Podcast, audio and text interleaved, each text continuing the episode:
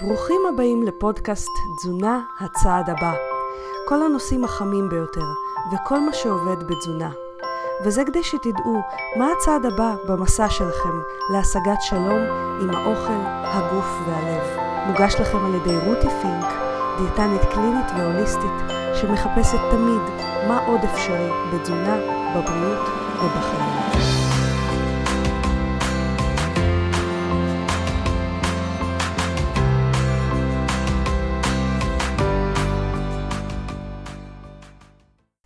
היי חברים, היום אנחנו מדברים לכבוד פסח ולכבוד כל שגעת הניקיונות הפנימיים והחיצוניים שאוחזת בכולם ובפיד בפייסבוק בתקופה הזו.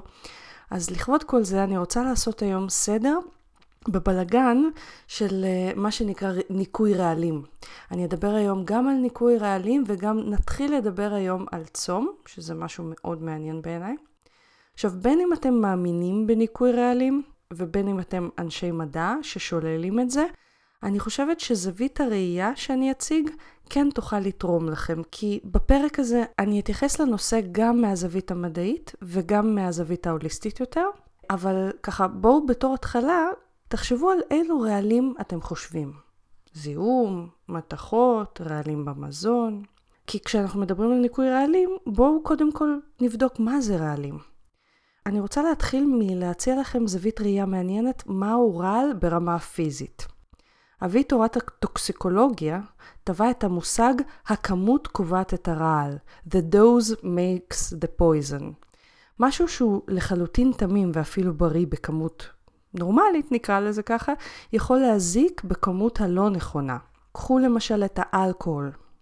בכמות קטנה, יש מחקרים שמראים יתרונות לאלכוהול, במיוחד אם זה יין אדום למשל. בכמות גבוהה, הוא יכול לגרום אפילו לאי ספיקה של כבד, אוקיי? שתיין ששותה המון פעמים ביום, המון ימים רצוף, אה, יכול לגרום לנזק. כשהאלכוהול היה בכמות תקינה, הוא לא הזיק, בכמות מסוימת, הוא עבר כאילו את סף הנזק. אני אתן לכם דוגמה עוד יותר מעניינת של פירות. רוב האנשים הבריאים, בריאים אני מתכוונת ללא כל בעיה מטבולית, ואני לצערי נוכחת יותר ויותר לדעת שהם לא כל כך רבים כמו שהם חושבים, כי הם פשוט בדרך לפתח מחלות, ואפשר לראות את זה שנים רבות לפני זה. אבל נניח אנשים בריאים לחלוטין, שיאכלו נגיד פרי אחד ביום, יהיו בסדר גמור. כמובן במידה ואין להם, כמו שאמרנו, סוכרת או מחלות נוספות. אבל אני לא אשכח את האדם שהגיע אליי לפני עשר שנים ואני באמת עדיין זוכרת אותו, אפילו את הפנים שלו אחרי כל כך הרבה זמן, כי הטריגליצרידים שלו היו פשוט מטורפים בדם. אני רק אסביר אה, שנייה מה זה טריגליצרידים. טריגליצרידים זה סוג של שומן בדם, שבהחלט קשור לסיכון למחלות לב וכלי דם, וגם מרמז על עמידות לאינסולין או סוכרת אפילו. רבים מדברים על כולסטרול כגורם סיכון, על זה עוד סימן שאלה, אבל יש מעט מדי מודעות לכמה הטריגליצרידים מנבאים את הסיכון אה, להתקפי לב, שבץ ומחלות כלי דם. אז טריגליצרידים גבוהים זה משהו שצריך לטפל בהם. החדשות הטובות זה שפשוט לטפל בהם, מהר לטפל בהם. הם מגיבים מאוד מהר, אפילו יותר מהר מכולסטרול, ברמה של שעות הם יכולים להגיב. אז בחזרה לסיפור, הבן אדם הזה הגיע אליי עם טריגליצרידים מאוד מאוד גבוהים, והסתבר שהוא אוכל לפחות עשר פירות ביום כנשנושים בין הארוחות. אוכל ארוחות, ובין לבין נשנושים. הוא עבד בעבודה שזה היה מאוד מאוד זמין לו. הוא גם חשב שזה בריא, כי זה הרי פירות, הוא דווקא בכוונה נמנע מממתקים ואכל פירות. ברגע שהורדנו לו את כמות הפירות, כמובן בלי לעלות ממתקים, הטריגליצרידים שלו הסתדרו לחלוטין. אז זו בעיניי פשוט דוגמה מהממת להיגד של הכמות קובעת את הרעל. פירות בכמות קטנה לאדם בריא, סביר. אדם בריא, שוב, לצערי, לא כולם בריאים. בפרק שבו אני אתמקד יותר על אה, עמידות לאינסולין, אתם תוכלו לבדוק בעצמכם אם אתם uh, באמת בספקטרום הבריא של זה. אבל uh, תאורטית לא היה אמור להיפגע, אבל הכמות של הפירות שהוא אכל בשבילו הייתה רעל. זה אגב למה התזונה שמתאימה לכל אחד היא שונה בעצם. לכל אחד מינון שונה יהיה רעל או תרופה בהתאם לנתונים הגנטיים שלו. לכל אחד מינון שונה יהיה רעל או תרופה בהתאם לנתונים הגנטיים, בהתאם לחיידקי המעיים שלו. אני אתן לכם למשל דוגמה של אוקסלט. אוקסלט זה חומר שנמצא ברוב הירוקים, לא בכולם, אבל ברוב הירוקים. נגיד תרד מאוד גבוה בו, פטרוזיליה מאוד גבוהה בו, חלק מעלי בייבי מאוד גבוהים בו. אז כשאנחנו אוכלים הרבה מאוד אוקסלט, יש אנשים שאוקסלט הזה ייספג להם יותר בדם מאחרים. למה? החוקרים משערים שזה קשור לחיידקי מעיים, אבל לא ברור עד הסוף. אצל אחד, אותה כמות של טרד או פטרוזיליה יהיה סבבה לגמרי, אצל השני יהיה רעל כי זה ייספג יותר. אז כשאנחנו מדברים על ניקוי רעלים, אנחנו צריכים לשאול את עצמנו לאילו רעלים ולאילו כמויות אנחנו מתכוונים. כי לפעמים בשביל לנקות רעלים, כל מה שצריך לעשות זה פשוט להוריד אותם מהאוכל שלכם ולא להפריע לגוף לעבוד כמו שהוא צריך. אם, אני אוהבת לתת את הדוגמה של הזבובים. אם יש לכם זבובים על עדן החלון, כי כל פעם שאתם עורכים דבש במקום הזה הם באים. אתם כמובן יכולים לרסס בחומרים כימיים, או בחומרים טבעיים, או לרקוח כל מיני מרקחות צמחים כדי להיפטר מהזבובים. אבל הרבה יותר פשוט יהיה פשוט להפסיק למרוח שם דבש, נכון? הזבובים יפסיקו להגיע לבד. ולכן בעיניי קודם כל, הבסיס, הצעד הראשון לאיזשהו ניקוי רעלים, ואנחנו בהמשך נדבר אם הוא קיים או לא קיים, הצעד הראשון הוא להפסיק להפריע לגוף לעבוד ולהפסיק להעמיס עליו דברים שהוא לא צריך. כי הכמות היא הקובעת את הרעל. ובנושא הזה אני לא יכולה להדגיש מספיק גם את ההקשבה לגוף. כל אכילה שלא מצרכי הגוף היא עודף לגוף, גם של דברים בריאים. וזוכרים מה קובע את הרעל? הכמות. אם הכמות גבוהה מדי, זה רעל. של כל דבר. אז כן, אם אתם לא רעבים וחווים אכילה רגשית, אה, בהחלט עדיף ללכת למקלות סלרי או איזה חופן אה, אגוזים קטן.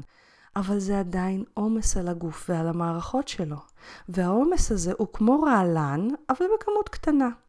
אם אתם עושים את זה לעיתים קרובות, הגוף יתחיל להגיב כאילו הוא מורעל, ואז תרגישו שצריך לעשות ניקוי רעלים. ומה עושים אז בניקוי רעלים? אם תסתכלו על כל ניקוי הרעלים, הדבר הראשון זה מורידים את רוב הדברים המזיקים. אוקיי? ג'אנק, אוכל מעובד, אוכל מתועש, מורידים את זה. ואז יוצאים מאיזה ניקוי רעלים עם תחושה נעימה.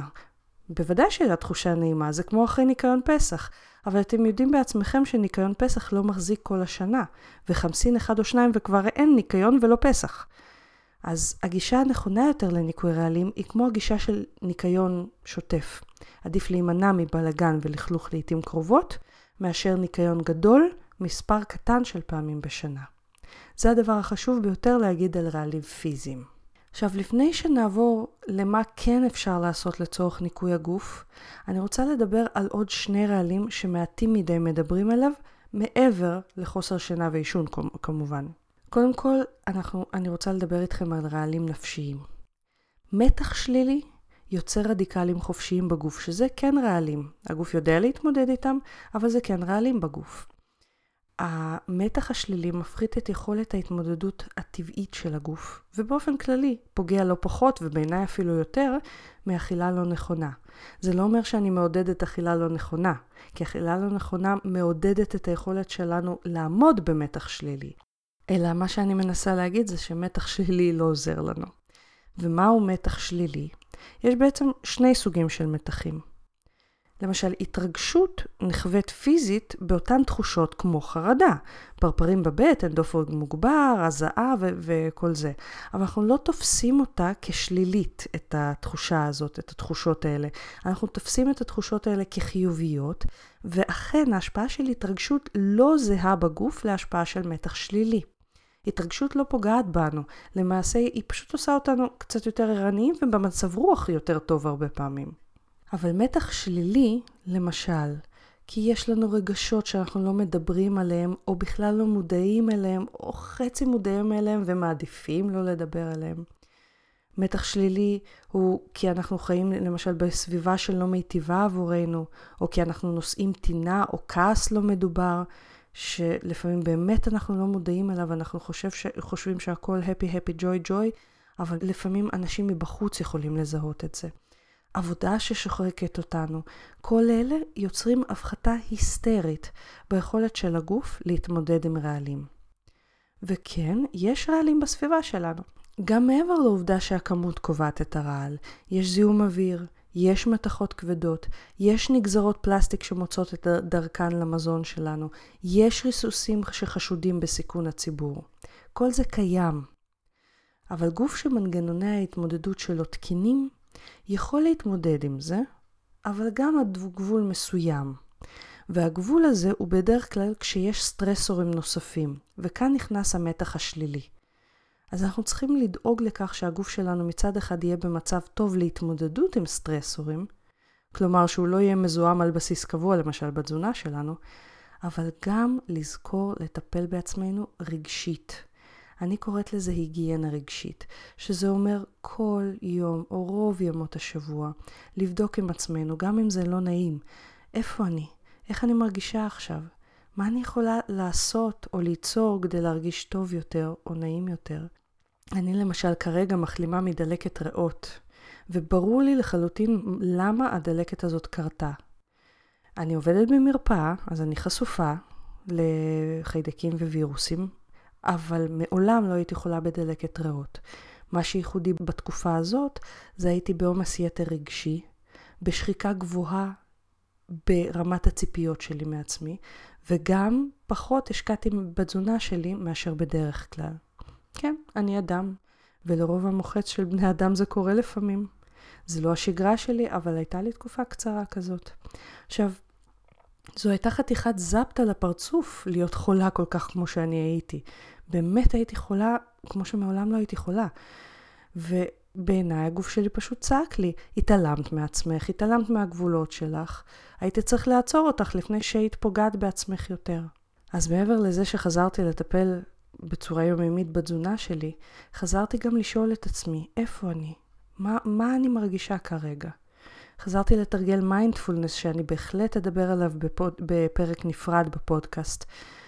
ופשוט חזרתי לשים את הפוקוס יותר בעצמי, בעקבות המחלה הזאת. אז מה שאני מנסה להגיד זה שאם יש לכם סטרסורים שליליים, מתחים שליליים, חשוב לטפל בזה. מה שאני עשיתי לאחרונה זה הדחקתי את זה. השבוע גם uh, התפרסמה כתבה על בחורה בת 28 שחטפה שבץ, ואני כזה ישר נכנסתי לכתבה, רציתי להבין מה קרה. והיא הייתה כאילו הזנחה עצמית על ספידים. אני, אני כן קצת הזנחתי את עצמי, זה קורה לפעמים. זה קורה אגב קצת יותר לנשים, כי אנחנו כאילו מחונכות לתת יותר, פחות להשקיע בעצמנו. עכשיו, אני לא יכולה להגיד עליי שאני לא משקיעה בעצמי, אבל איכשהו נגררתי ככה ב- בלתת יותר מאשר להשקיע בעצמי. אז הבחורה הזאת ישנה מעט מאוד, אכלה מעט מאוד, ישנה הרבה והתכוננה לכל מיני uh, דברים ב- בלימודים שלה, עד שהגוף שלה פשוט הפסיק את העניינים. זה היה יותר מדי סטרסורים, uh, ומעט מדי כמובן תזונה שעזרה לה, אבל זה לא רק התזונה, זה היה סך כל הסטרסורים שלה היו יותר מדי למערכות הגוף שלה. היא חטפה שבץ בגיל 28, שזה מטורף, וזה בעיניי מראה כמה חשיבות יש להיגיינה נפשית, לבדוק אם אתה בטוב, לעבוד על ה mindset שלך שיהיה לך יותר ויותר בטוב. אני חושבת על ה... נגיד על רותי לפני עשר שנים, רותי לפני עשר שנים פחות שמה את התשומת לב שלה על האם היא מספיק קרובה למה שעושה לה טוב לעומת היום. וזה בעיקר בזכות זה שאני עובדת על זה. אני עובדת על ה mindset שלי באופן עקבי, בעזרת מיינדפולנס, בעזרת NLP, בעזרת עוד כלים, ואני מאוד ממליצה לכם לעשות את זה גם.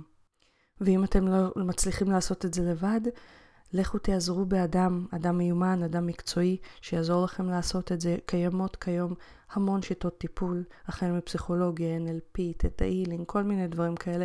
בכולן יש מישהו לידך שנותן לך איזשהו מראה מבחוץ על איפה אתה. ויש אנשים שזקוקים למראה הזאת ולא מצליחים לעשות את העבודה לבד, אלא רק בעזרת מישהו.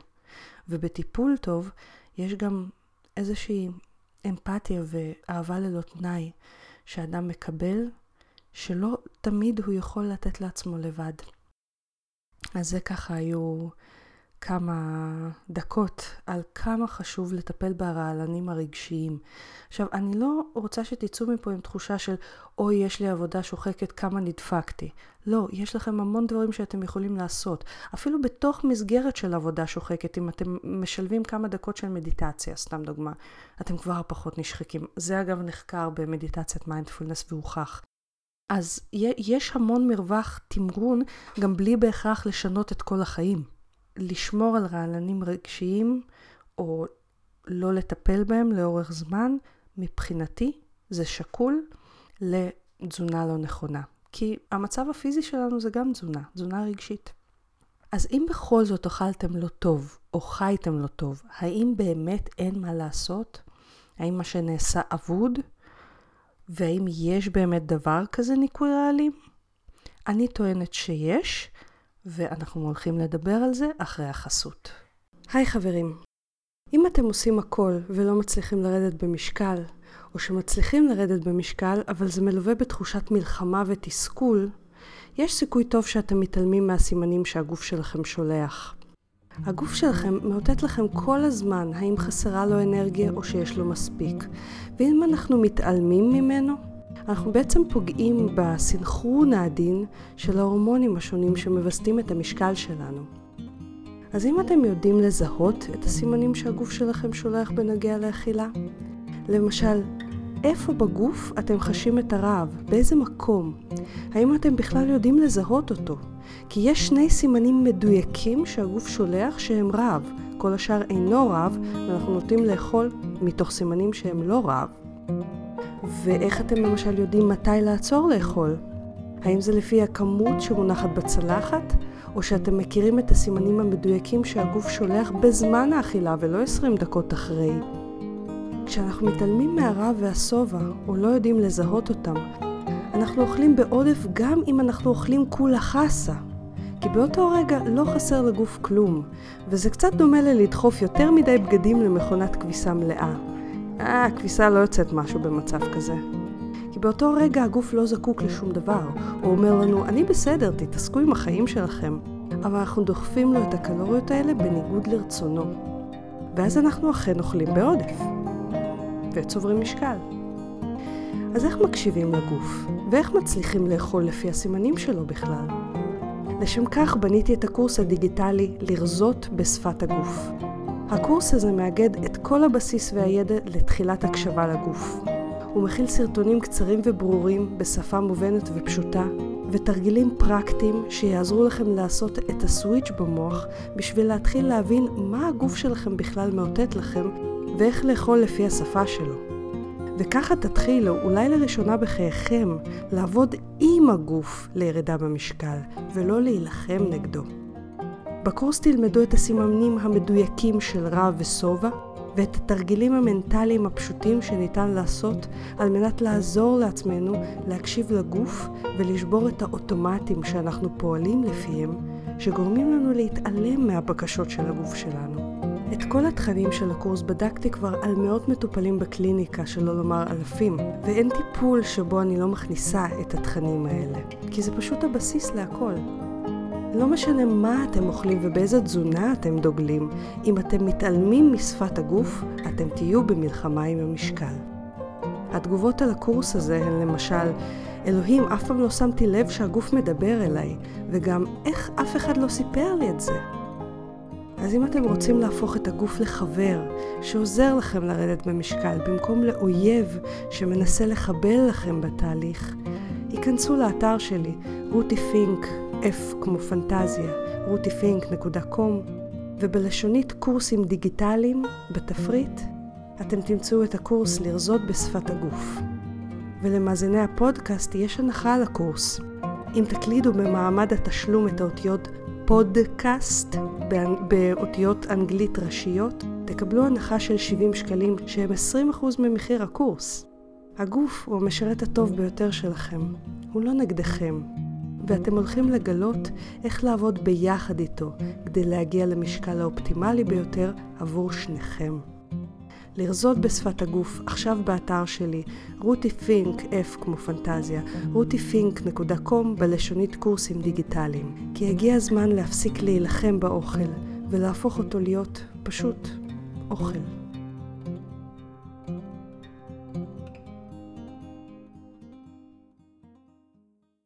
אז האם יש דבר כזה ניקוי רעלים? יש, ואני אסביר. קודם כל, יש לנו איבר שאחראי על חלק הארי של ניקוי הרעלים בגוף, הכבד. הכבד לא צובר רעלים בניגוד לדעה הרווחת, אלא מפרק את הרעלים שעוברים דרכו. מגיעים אליו רעלים דרך הדם, הוא מפרק אותם. על אילו רעלים אנחנו מדברים? על תוצרים של נשימת כל תא ותא. כל תא ותא פולט חומרים מיותרים למחזור הדם, ואם הם יהיו בכמות גדולה זה ירעיל את הדם. תסלחו לי על ההשוואה, זה כמו בני אדם שפולטים כל מיני דברים בשירותים, ואם הם יצטברו זה ירעיל את הסביבה שלהם. אז הכבד אחראי על הניטרול של החומרים האלה, שכל תא ותא פולט, אה, במסגרת חילוף החומרים שקורה בתוכו, במסגרת המטאבוליזם זה נקרא, והוא מנטרל אותם בתהליכים ביוכימיים לחומרים פחות מזיקים. לאחר שהוא מפרק את החומרים האלה, הם נשלחים לפינוי, הם לא יושבים בתוכו, הם נשלחים לפינוי, או דרך הכליות, או בצואה, או בנשימה. זה כמו רובוט חשמלי לניקוי בית, הוא פעיל תמיד, הוא אף פעם לא מפסיק לפעול, כמובן בהנחה שהוא עובד. יש לכם כבד, יש לכם ניקוי רעלים כל יום, על חשבון הבית, וואלה זכיתם. אבל בואו נדבר רגע מה יכול להפריע לכבד לעבוד. יש שלושה דברים מרכזיים שיכולים להפריע לכבד לעבוד. אני אדבר על שלושתם. הדבר הראשון שיכול להפריע לכבד לעבוד זה עומס יתר על המנגנונים האלה, הביוכימיים שאחראים על ניטרול הרעלים. צמחים ותרופות מסוימות יכולים לעשות עומס על המנגנונים האלה. לא צריך להיכנס לדיאטה דיטוקס מהם, פשוט צריך להוריד אותם ואז לרוב הכבד ינקה אותם לבד. לפעמים אם אנחנו דווקא נשתמש בחומרים מסוימים לדיטוקס, זה דווקא יעמיס עוד יותר על הכבד, כי אז הוא צריך להתמודד גם איתם וגם עם החומרים שממילא תקעו את המערכת. אז במקום להעמיס עליו, פשוט אל תפריעו לו. היו כמה מקרים אה, בעשר שנים האחרונות של אנשים שהשתמשו בכל מיני דיאטות, אני לא רוצה לה, להזכיר את שמם, דיאטות מסחריות שבהם קונים איזה תה או איזה שייק ושותים אותו בשביל דיטוקס ופגעו בכבד שלהם. איך הם פגעו בכבד שלהם, או שהחומרים שם היו באמת רעילים לכבד, זה גם יכול להיות, או שהם תקעו את ניטרול הרעלים הזה. עכשיו, הדבר השני שיכול להפריע לכבד לעבוד זה כבד שומני. כבד שומני יכול להפריע בכל פעילות של כבד. זה מצב שבו יש הצטברות יתר של שומן בכבד. זה נוצר בעיקר בעקבות עודף אלכוהול או עודף פחמימות, בעיקר פשוטות, אבל גם בעקבות עמידות לאינסולין, בעקבות תרופות מסוימות, חומרים מסוימים, סמים מסוימים. אז uh, כבד שומני גם יכול לגרום לבעיה בכבד, במיוחד אם הכבד השומני הזה היה הרבה שנים, כי אחרי הרבה שנים אנחנו רואים הצטלקויות בתוך הכבד כשהוא הרבה שנים שומני. כי מערכת החיסון מתחילה לתקוף את העודפים האלה של השומן מאיזושהי סיבה. יש כל מיני השערות למה. הטיפול לכבד השומני הוא די פשוט ברוב המקרים, הוא הפחתת פחמימות, וכמובן אלכוהול. במיוחד פחמימות פשוטות. וזה משהו שהוא כן ניתן לטיפול. אני ממליצה לכם לפנות לאיש מקצוע, אם יש לכם כבד שומני, להתאים תזונה לכבד השומני, כי כבד שומני הוא גורם נפרד להתקפי לב, שבץ ומחלות לב וכלי דם. והסיבה היא כנראה כי הוא קשור לתנגודת לאינסולין שאני אדבר עליה לעומק בהמשך. לא בהמשך הפרק הזה, בפרק אחר. הדבר השלישי שיכול להפריע לכבד לעבוד, וזה משהו שאני לא, שאין עליו מחקרים, אלא אני תכף אדבר איתכם על הלוגיקה של זה, זה עודף אכילה. אני רצינית לגמרי. כי עודף אכילה, אנחנו יודעים שעודף אכילה יוצר עודף תהליכים מטאבוליים, במיוחד האנבוליים, כלומר בנייתיים, בונים רקמת שומן, שריר, עצב, ווטאבר, יחסית למה שהגוף צריך. ומה קורה כשיש תהליכים מטאבוליים, תהליכים מטאבוליים זה חילוף חומרים. ואם יש יותר מדי ממנו, הנה עומס על הכבד בגלל שיש יותר זבל מהתאים. אז שלושת הדברים האלה מפריעים לתפקוד הכבד התקין, וברגע שאנחנו מטפלים בהם, אין שום סיבה שהכבד לא יעבוד. כלומר, וואלה, יש לכם מערכת לניקוי 24/7, 365 ימים בשנה. אבל אני טוענת דבר נוסף. יש דרך לייצור ניקוי נוסף בגוף, לא בהכרח רעלים, אבל ניקוי בגוף. מה כן מנקה את הגוף מעבר ללהפסיק לזהם אותו? הדבר הזה נחקר לעומק ולרוחב בחיות. זה מתחיל להיחקר לעומק אצל בני אדם ומראה תוצאות מאוד מאוד מעניינות. צום. לא צום מיצים, אלא צום מים, או לפחות צום נוזלים לא קלוריים. אם אנחנו לא אוכלים מספר שעות, ככל שמספר השעות הזה מתארך, כמובן עד גבול מסוים, הגוף מתחיל להפעיל מנגנונים שבדרך כלל מופעלים מאוד מאוד בקטנה בזמן שאנחנו צורכים האוכל. המנגנונים האלה, תחזיקו חזק, יש להם שמות אוטופגיה ומיטופגיה. בום. אני אוהבת להסביר את המנגנונים האלה ככה. אם אתם רוצים לעשות שיפוץ בבית לקראת פסח הבא עלינו לטובה, ולחדש את הבית, נגיד את חדר השינה, ונגיד שאתם רוצים לחדש אותו כי נמאס לכם שיש שריטות על המיטה, וצבע השידה כבר דהוי, אה, והארון לא מתאים לצרכים שלכם, או שהדלת שלו כבר מתקלפת, או whatever. מה אתם עושים? אתם הולכים לחנות, מזמינים מיטה חדשה, מצעים חדשים, ארון או שידה חדשים, ואז מביאים את הכל ושמים בחדר על המיטה הישנה ועל הארון החדש ועל השידה הישנה? ברור שלא. אתם קודם כל מפנים את השידה הישנה עם הצבע הדהוי, ואת המיטה הישנה עם השריטה, ואת הארון עם השריטה, ואת, או לא יודעת מה, שלא מתאים לצרכים שלכם. ואם יש לכם קמין, שזה משל לשריפת דלק בגוף, אולי חלק מזה אפילו ילך לשריפה בתוך הקמין שלכם. הפירוק הזה של הישן, הפגום והלא נחוץ, ברמת הבפנים, בתוך התא, זה, שזה מצב שבו התא מפרק עברונים פגומים, ישנים ולא נחוצים, נקרא אוטופגיה, ופירוק של תאים שלמים ופגומים או לא נחוצים נקרא מיטופגיה. התהליכים האלה מתרחשים כל הזמן בקטנה בגוף, זה לא שאין אותם בכלל. אבל אם אנחנו באמת רוצים, מה שנקרא שיפוץ פסח, או כל יום אחר בשנה, כן? אם אנחנו רוצים לגרום לגוף ממש לחדש לעברונים או תאים חדשים ונוצצים, אז אנחנו צריכים קודם להגביר את תהליכי הפינוי האלה, ורק אז לבנות עליהם מחדש. תחשבו על זה שלמרות שכל חג בעולם, או רוב החגים בעולם, בכל התרבויות, או ברוב התרבויות, מלווים בסעודה חגיגית, רוב החגים בעולם, או לפחות במסורת היהודית, מלווים לפני זה בצום. ואולי לא סתם ככה. כי צום הוא הפינוי הזה של החלקים והעברונים הלא מתפקדים בגוף. ואכילה אחריו נותנת לגוף חומרים חדשים לבנייה חדשה ורעננה. זה כאילו שבסעודת החג אתם כבר מכניסים את הארונות החדשים והשידה החדשה שקניתם. אה, עכשיו, במחקרי חיות, האוטופגיה והמיטופגיה, כשהן מוגברות, קשורות להפחתת הזדקנות ולתפקוד תקין יותר לאורך השנים. עכשיו, חשוב להגיד שעודף אוטופגיה ומיטופגיה גם מזיק, כי זה בעצם פירוק. יש גבול כמה פירוק אנחנו יכולים. בהתחלה נגיד אנחנו נפרק את הדברים ה... שרוטים וישנים, אבל אם לא יהיה לנו משהו חדש לתפקד איתו, אנחנו עלולים ללכת ולפרק דברים אחרים שאנחנו כן צריכים, כמו לא יודעת מה, את התריסים או את החלונות, ככה זה עובד כאילו בגוף. אז יש גבול לכמה אוטופגיה ומיטופגיה אנחנו צריכים. יותר מדי, גם לא טוב. הכמות קובעת את הרעל. עכשיו, בבני אדם עדיין לא נעשו מחקרים ארוכי טווח מספיק כדי להגיד שזה בדיוק מה שקורה כמו בחיות, אבל כן, כל המנגנונים שנצפו בבעלי חיים בנוגע לאוטופגיה ומיטופגיה, כרגע כן נצפים במחקרים קצרי הטווח בבני אדם. עכשיו, למה אני מספרת לכם את זה? כי אחד הכלים שאני מאוד אוהבת לשלב לאדם המתאים כמובן, ולא בכוח ובהסכמה, וכמובן בשיתוף פעולה ובתיאום ובדיבור במיוגש. אז אחד הכלים האלה הוא צום לסירוגין. אני אדבר על זה בהרחבה בהמשך, כי זה מגיע לצום לסירוגין לפחות פרק אחד.